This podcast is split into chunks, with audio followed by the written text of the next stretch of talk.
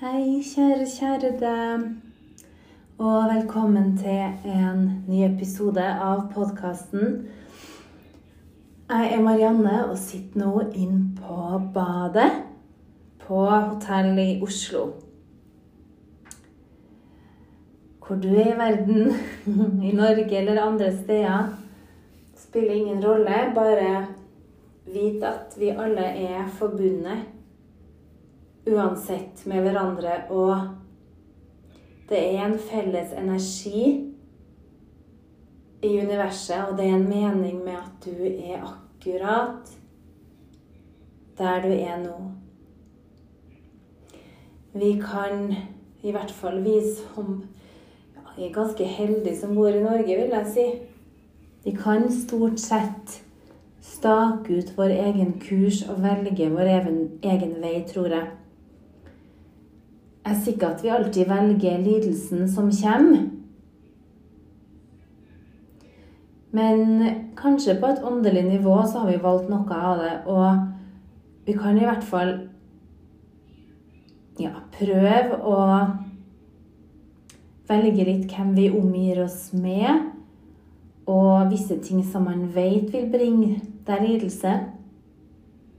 Kan man jo noen ganger prøver å styre unna, mens noen ganger så kjenner man nei, shit au. Jeg bare hopper i det. Jeg vet det er farlig. F.eks. i en kjærlighetsaffære, da. Hvis man vet at ah, den kvinnen eller mannen er litt farlig for meg, og det er stor sjanse for at jeg blir såra. Men så har man allikevel lyst til å leve i nuet og kaste seg ut i det.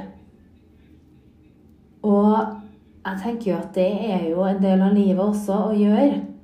Å kaste seg ut i det. For at man kan ikke stadig vekk gå rundt og være redd for å bli såra. For da vil du ikke tørre å ta de stegene eller de sjansene som virkelig kan gi deg en fantastisk verdi i livet. Og det er jo ikke noe farlig å bli såra, er det det? Ja, det gjør vondt i hjertet, men det er jo ikke farlig. Jeg tror kanskje at det innimellom er sunt også å kjenne litt på det. Um, for det er noe Det gjør noe med deg. Og i hvert fall min erfaring da, Jeg har hatt én stor kjærlighetssorg. Um, og det varte en stund òg. Varte jo i noen måneder. Ja, kanskje et halvår, egentlig. Gikk litt sånn opp og ned, selvfølgelig, men det som jeg merka, da, at jeg funka så bra likevel. Jeg satte av litt sånn tid på dagen til å gråte. Den første, den første måneden, og jeg fikk veldig mye støtte. Jeg hadde et helt sånn hjelpekorps av familie og venner som sjekka inn. Um, men så bare fortsatte jeg. Jeg var ikke borte fra jobb en eneste dag. Jeg og barna mine kosa oss.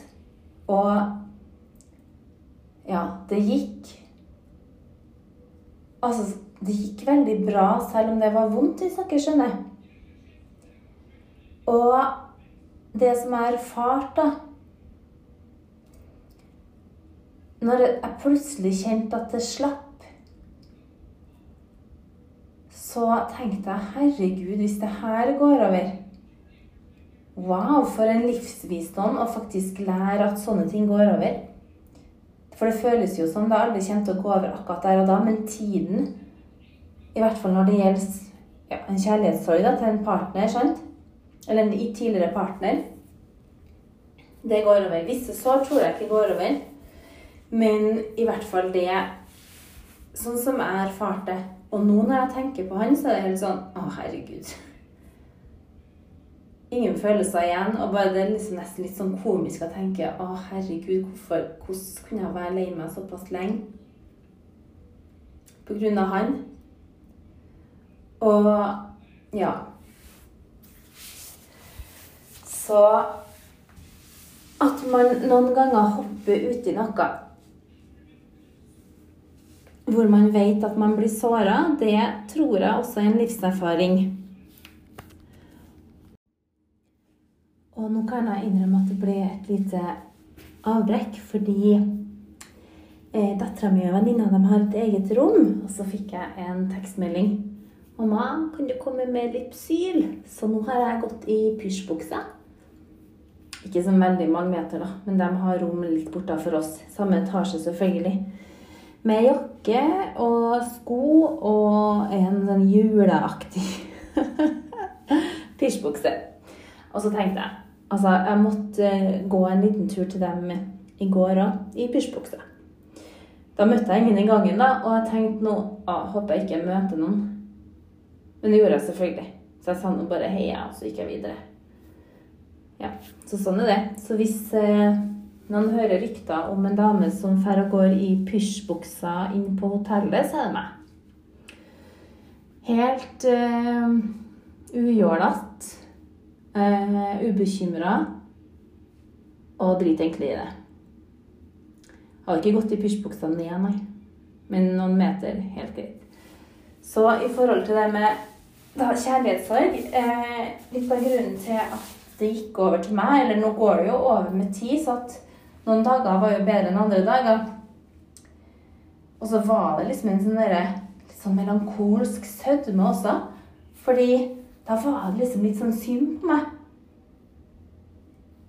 Og så hadde jeg veldig kontakt med følelsene mine, og var jo også utrolig takknemlig for å få lov til å kjenne på alt det her, da. Så det er ingen tvil om at hjertet mitt åpna seg mer i løpet av den der perioden. Og alle var liksom, i hvert fall de nærmeste vennene mine, var helt sånn uforstående. Herregud, hvordan kunne han dumpe deg? Han dumpa jo meg da, sånn skikkelig. Og her, liksom, han var helt uforståelig, for han var helt vill i starten. og det var liksom Vi skulle være sammen resten av livet, og ja da, ja da. Hurra meg rundt, sant? Og så var det jo sånn at han rett og slett et halvår senere så ja, gikk det over for han. Det bare gikk over, rett og slett. Han Følelsene ble mindre og mindre, og det ble kanskje ikke akkurat sånn som han hadde tenkt. Og um, Så det, det er nå bare sånn det er. For det har jeg opplevd mange ganger, faktisk. Så sånn sett så var det kanskje karma, for jeg har jo gjort det her mot flere tidligere kjærester. For jeg kunne vært ganske sånn stormforelska i starten. Så tenker jeg oh, this is it, sant? Og så gir jeg veldig masse. Da får den personen ekstremt mye kjærlighet. Og så kan det til meg da, så trenger det å gå gradvis over nede. Være fra en dag til en annen. Så er det sånn Den ene dagen så er det sånn Å, jeg elsker deg. Andre dagen jeg not so much. Og det ja, det har jeg opplevd flere ganger. Så sånn sett var det kanskje litt karma. Kanskje jeg fikk som fortjent. Jeg tror faktisk det. Jeg tror faktisk jeg fikk som fortjent med den der. Men jeg står for det. Jeg står for de gangene jeg har dumpa typer. Eh, selv om jeg fikk den dumpinga sjøl, så var det på en måte verdt det likevel Og kunne, ikke kunne dumpe andre, men ja, jeg har ikke noe dårlig samvittighet for det, for det er jo lov å gjøre det slutt med folk. Ja. Og jeg er nok i hvert fall ikke ment til å bare ha én kjæreste fra jeg er 15 og resten av livet. Det er i hvert fall sikkert. Jeg er også veldig glad i endringer, sant? så det går nok sikkert litt på det. Um, men det jeg skulle fortelle, da For det som skjedde, var at jeg plutselig jeg hadde en sånn kul i brystet, og det passer egentlig å snakke om det siden det er oktober og rosa sløyfe-måneden. Jeg hadde en kul i høyre pupp, og den har jeg egentlig hatt en god stund. Og så sa jeg det til ei av mine nærmeste venninner, og hun ble helt sånn Herregud, har du en kul i puppen? Kom deg til legen, liksom. Altså seriøst, liksom. Går det an? Og jeg bare sånn Ja, ja, men jeg føler at det ikke er noe galt og sånn. Jeg føler at det går bra og sender masse god energi til den puppen, og sånn, så går det sikkert bra. Hun bare Nei, herregud. Skjerpings. Bestiller jeg time nå, så kan jeg bli med deg. Sa hun da. Jeg bare sånn Ja, OK. Og så bestilte jeg time, da, og da begynte jeg plutselig sjøl å bli litt bekymra òg. Og så ble det noe sånn at jeg sendte melding til hun, Jeg er drar sjøl, for det er litt sånn typisk meg. Hvis jeg først skal lide, så vil jeg lide alene. Og i stillhet. Så jeg dro nå til legetimen, og fastlegen sjekka puppen. Bare ja, jo, ja, nei, det er, mm, det er en ganske sånn stor kul her. Eh, han trodde ikke det var noe galt. Eh, jeg nevnt ordet svulst og sånn. Det er ikke noe hyggelig, men det kan jo være godarta svulst. Svulst, det kunne være syste og hva som helst. Så da skulle jeg jo til, um, til ultralyd, eller mammografi og ultralyd, da. Og så Da måtte jeg vente noen dager. Jeg tror det var fem dager eller noe sånt. Og det var ganske hardt å gå og vente de dagene på den undersøkelsen. Og da kjente jeg Altså, vet du meg hva? Hvis alt er i orden her nå, så skal jeg bare være så supertakknemlig for at jeg får leve, rett og slett. Jeg har to små barn som jeg vil være sammen med. Og jeg har lyst til å bli bestemor, jeg har lyst til å bli oldemor. Og ja. Så dro jeg nå på den eh, kontrollen ganske spent, da. Først så var det da den CT-en hvor du klemmer puppen i alle retninger. Og den har jeg hørt så mye eh, skrekkhistorier om. Men jeg var bare så lykkelig for å endelig komme inn til kontroll at jeg ga bløffen i de der smertene. For de klemmer jo puppen helt flat. Mm, og så må du liksom stå inntil en sånn inntil et sånn apparat. da. Så legger de liksom puppen inni. Det er litt komisk òg.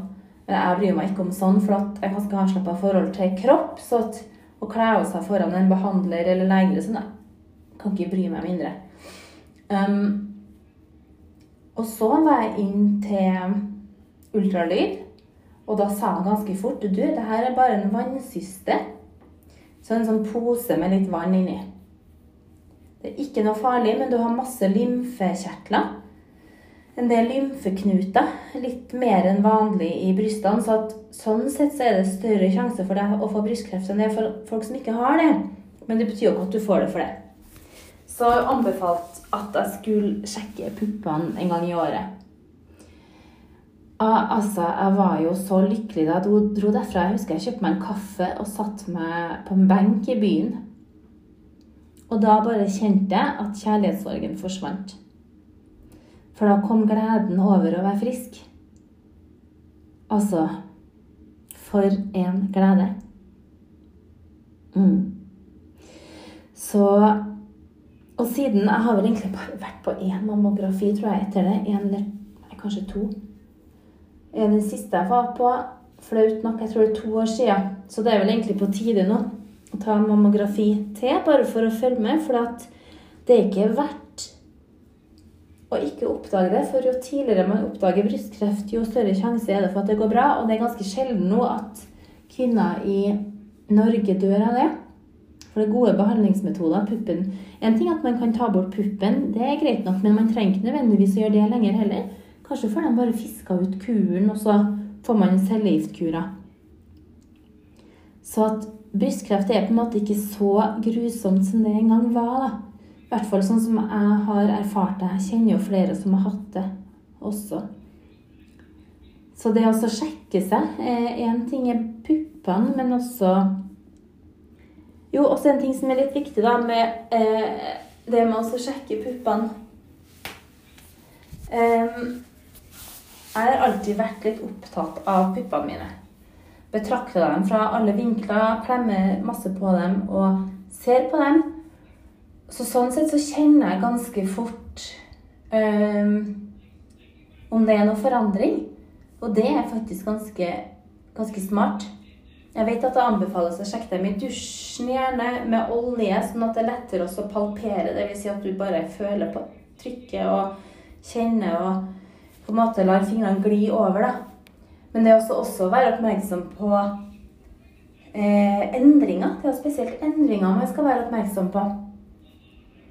Eller hvis brystvorta begynner å lekke litt væske, eller, eller at den forandrer seg utseendemessig. Og, så jeg tenker jo heller sjekk en gang for mye enn en gang for lite. For det er virkelig, virkelig vært der. Jeg tok jo en sånn privat sjekk. Jeg hadde ikke tid til å stå på venteliste i ukevis når jeg ble redd og bekymra, så da jeg bare kjøpt meg en privattime. ganske kjapt. For det syns jeg også det er verdt å betale de, de tusenlappene um, for det. Ja. Og også i forhold til underliv, utrolig viktig også sjekke livmortappen. Ta kreftprøve der, eller celleprøve. Det tar jeg ganske ofte. Eller sånn, jeg tatt det med jevne mellomrom. Jeg tror jeg har tatt det litt oftere enn det jeg egentlig trenger. Om det er hvert tredje eller hvert femte år, så vidt jeg vet, så er det et forskningsprosjekt. Så dem som er født i partallsmåneder, skal sjekke seg enten hvert tredje eller femte år. Og dem som er født i oddetallsmåneder, hvert tredje eller femte, så skal det sammenlignes et eller annet sånn med Kreftregisteret, har jeg hørt. Og om jeg har vært tredje eller hver femte, det vet jeg ikke, men jeg har nå sjekka meg for det ganske ofte. Jeg er jo livredd for noen sånne sykdommer i underliv og i, i brystene. Så at ja. Jeg er nøye på det. Det er helsa, og det er viktig. Og vi er også heldige og har i utgangspunktet gratis helsetjenester her i Norge. Og i hvert fall opp til en egenandel, og etter det så er det gratis. Så det er ganske lave kostnader på helsetjenester. Så det er ingen grunn til å ikke sjekke seg. Det er ingen grunn til å ikke dra til legen. Så hvis du som lytter nå har et eller annet du skulle ha sjekka på hos legen, om det er pupp, eller om det er livmortapp, eller om det er en føflekk, eller et eller annet, eller om det er noe mentalt som du gjerne skulle ha fått litt hjelp med, så oppfordrer jeg dra til legen. Bestill deg en time med en gang etter du har hørt ferdig podkasten, eller ta en pause i podkasten og bestille deg en time. Jeg bare sier det, for jeg regner med at det gjelder helt sikkert noen som har stått og ruga på et eller annet som de burde ha sjekka. Sjekk det, sjekk det, sjekk det. Du skal ta vare på deg sjøl. Det er ditt eget ansvar. Og du vil føle deg så mye bedre og letta sannsynligvis etterpå. For som oftest Veldig ofte er det ikke så farlig som man tror. Noen ganger er det verre, men da får du i hvert fall visshet om det og kan ta tak i det. Og eh, nå over til neste sak. Dette blir litt som pratepodkast, merker jeg. Ser om jeg får tid til et par minutter med pust eh, på slutten. Vi har jo litt hjemlengsel. Det er typisk oss. Helgesen-familien. Vi lengter hjem. Ganske kjapt. Nesten med en gang vi kommer over dørstokken, jeg lengter hjem. Og det er litt sånn komisk, for jeg var veldig ung, sånn fra ungdomsskole, videregående og litt etter det. Jeg var så reiselysten. Og jeg kunne liksom ha dratt hvor som helst i verden for å studere eller jobbe eller bare reise. Flytta til Oslo kjapt. Og da var jeg var liksom så uredd. Det var bare sånn, Mens nå tenker jeg å herregud og åh. Blir litt sånn å herregud, jeg orker ikke så mye mas. Og heller ikke så mye folk. Jeg har blitt mindre og mindre glad i store folkemengder. Og jeg innrømme det, som jeg snakka om på en tidligere podkast. Når samfunnet skulle åpne igjen, så kjente jeg bare litt Nei, kan ikke vi bare la det være sånn som det var? Jeg syns det var fint sånn som det var, for nå har vi vent oss til mindre folk, mer ro. Og kanskje også det med å ha fokus på litt nære verdier og la fokuset gå innover. Vi er jo her nå i Oslo på høstferie. Og superkoselig. Absolutt.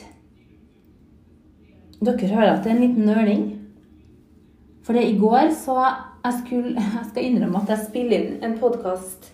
Jeg spilte inn en podkast i går, eller to, og den siste har jeg faktisk sletta.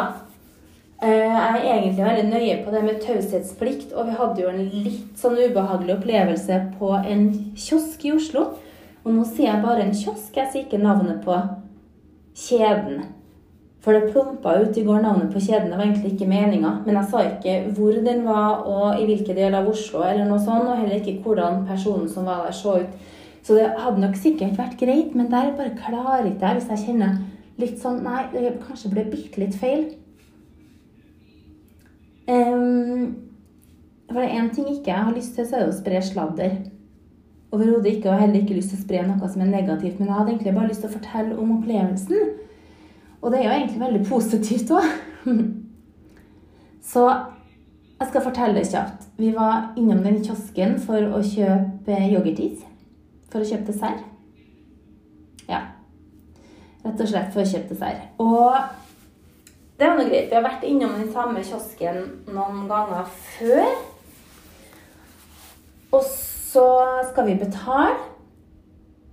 Jeg skal betale. Så kommer barna med eh, det de skulle ha. Og jeg smiler nå og ja, er nå høflig sånn som jeg pleier. Og så er det en ung gutt der, da, som bare sier Nå må jeg bare si det, at dere har vært her tre ganger. Og hver gang så har det vært søl i nærheten av isen, ismaskina. Så neste gang, vær så snill og ikke søl. Ja Jeg holdt meg veldig rolig. Jeg pleier ikke å bli noe sånn oppskjørta og sånne ting, men jeg lar meg ikke pille på nesa, og lar heller ingen pille ungene mine på nesa. Så da sa jeg bare veldig rolig Du, jeg forstår veldig godt at du er sliten. Som sikkert har jobba lenge. Men nå har det seg sånn at det er ikke så lett å ikke søle der. Det var noen sånne kjeksmuler bare som var sølt. Var ikke noe mye gris heller. Og det er jo ikke noe problem for meg å tørke opp det, så bare gi meg en serviett, du, vet du, så tar jeg det. Cirka den tonen her kan sikkert oppfattes litt sånn nedlatende. Og det er helt greit for meg, for det var han. Så ja, jeg er egentlig veldig fredelig, forholdsvis fredelig person, men jeg tåler ikke å bli tilsnakka. Og det står jeg også stødig i. Jeg tåler ikke å bli tilsnakka. Er det for sent, så sier jeg gjerne unnskyld og sånn. Det er noe problem. Men å bli tilsnakka av en fremmed på den måten Nei, det syns jeg ikke er greit. For at ungene mine de er ikke noe grisete. De. er ikke noe sånn, får ikke flyr overalt og velter ting. De er superhøflige og prøver så godt de kan. Så jeg syns det var så urettferdig. De ble helt stille. De bare sto helt stille ved siden av meg. Og Um, det var egentlig greit, for jeg ville jo ta det her. Og så sa jeg til han Men vi har ikke kjøpt is tre ganger. Han sa jo at dere har vært tre ganger og søla. Jeg bare nei, nei, nei. Vi har vært i butikken tre ganger, men vi har kjøpt is bare to ganger. Jeg bare tenkte søren heller, ass. Og han bare nei, dere har vært her tre ganger og kjøpt is og sølt. Ja, cirka sånn. Jeg bare nei, nei, nei. Vi har kun kjøpt is to ganger, men vi har vært innom butikken tre ganger. Og han bare fortsatte Nei, men jeg bare sier det. Eh, han fortsatte og var egentlig ganske sånn frekk, og jeg merka også at han var ganske sånn hoven da vi var der de andre gangene. For det kan jo av og til ta litt lang tid når vi er sju stykker da, som skal bestemme oss for hva vi skal ha. Han var veldig utålmodig og irritert seg over at vi brukte tid. Men hvem bryr seg? da? Han skal da søren meg være på jobb i de timene han skal uansett. Og det var jo ikke noe særlig andre folk i butikken heller. Men i hvert fall da så sa jeg, men vet du eh, Det er vel kanskje ikke verdens undergang at det er sølt et par biter av kjeks. Det fins jo mye verre ting i verden. Men jeg skjønner at det ikke er så lett for deg, og da skal jeg innrømme jeg tok en hersketeknikk. Ja, for du har vel ikke barn sjøl? Du kommer nok helt sikkert til å forstå det her litt mer når du får barn sjøl, vet du Jeg klarte ikke å dy meg. Jeg måtte bare. Og det for så vidt lever jeg også godt med. Eh, og jeg sa igjen, men du, bare gi meg en serviett, for det er ikke noe problem for meg å tørke opp. Det gjør med glede, vet du. Nei da, nei da, jeg skal ta det, jeg skal ta det, sa han da. Og eh, så sa jeg også at de gjorde det ikke med vilje. Jeg regner med du skjønner det. Jeg har jobba i kundeservice og i servicebransjen masse sjøl, og sånne ting må man bare av og til regne med. Så så han bare Jeg var fortsatt ganske irritert, han. Så betalte han òg, og så, da vi skulle gå, så sa jeg Men du, da ønsker jeg deg en helt fantastisk kveld. Og jeg ønsker deg også lykke til i denne jobben. Ha det riktig godt. Og så sa jeg kom, da. Til barna, så gikk vi ut. Og det var vi måtte jo fly litt da vi kom utafor. Um, og det som var så herlig, da, var at jeg kjente at jeg ble liksom ikke noe sånn oppskjørta. Og jeg har egentlig ikke tenkt noe særlig på det i dag, fordi at jeg klarte å si noe tilbake, og det er egentlig et godt poeng. Fordi hvem har vel ikke opplevd at man blir utsatt for noen som er litt frekk? Og så blir du litt sånn målløs, da, sant? kanskje litt overraska òg. Og etterpå så tenker du å, fy søren, jeg skulle ha sagt det og det og det og det. Det er utrolig irriterende, sant? Og da kan man bli gående og gnage på det der ganske lenge, da. Og så jeg, jeg syns Det er faktisk en liten tips, da. Ja, det må være lov å komme med et tips. Tør også ta igjen. Tør å si fra tilbake. Ikke vær taus. Vi har da fått munnen for å prate. Ja, greit, noen ganger kan det gjerne være stille. Absolutt. Jeg elsker å være stille også. Men hvis man blir tilsnakka, og du kjenner at det her er ikke greit Hvis man klarer å forholde seg superrolig Det er så digg følelse. Skikkelig, skikkelig deilig. Superrolig, gjerne med et sånn smil òg. Men at man bare sier et eller annet tilbake, så at du ikke angrer deg i ettertid. Og ja. Og jeg har ikke gått tilbake igjen dit, for å si det sånn. I dag har vi vært på eh, restaurant og spist, og vi tok jo desserten der. Superkoselig. Og har møtt flere superhyggelige servitører eh, og butikkansatte. Jeg har vært innom flere steder og fått bare helt magisk service, og det elsker jeg. Og det er så koselig når man, Nå er jeg kanskje litt sånn bablete, så jeg kan jo plutselig begynne å spørre men hvor kommer du fra. Og jeg hører at de kanskje har litt annen dialekt. og Jeg liker jo å prate med folk, jeg er jo glad i mennesker. Og, og særlig ett sted så tror jeg hun som jobba der, hun var så ivrig på å snakke med oss. Jeg tror hun snakka sammen i 20-30 minutter. Og det var bare sånn der, åh, Det er så herlig når du møter sånne mennesker hvor du bare kjenner at åh, her, god stemning, god kjemi. Um, skikkelig, skikkelig godt. Og så har jeg en annen ting òg, hvis du skal til Oslo i nærmeste fremtid eller bor der. Joe and the Juice. Utrolig koselig sånn sandwich, eh, shake, smoothie, juice-sted. Der er det alltid litt sånn herlig, hipp stemning. Ganske unge gutter som jobber der, og de er superhøflige. Så jeg er imponert over den unge garden. Alltid når jeg kommer på Joe and the Juice, bare sånn megakos. Herlig. Herlige folk som jobber der. Og det blir jeg bare så glad av. Vi har vært og møtt ei venninne av meg i dag. Hjerte, hjerte, hjertevenn. Som jeg har kjent siden jeg var sju år. Så vi har hatt en helt herlig dag. I morgen skal vi dra hjem. I dag er det da onsdag, er det 13. oktober, tro. Um, og ja, vi gleder oss til å komme hjem. Alltid godt å komme hjem. Borte bra, men hjemme best. Ingen tvil. Fra mitt hjerte til ditt. Sjekk det hos legen. Ta igjen hvis noen er frekk mot deg. Og ha en helt fantastisk dag. Mwah!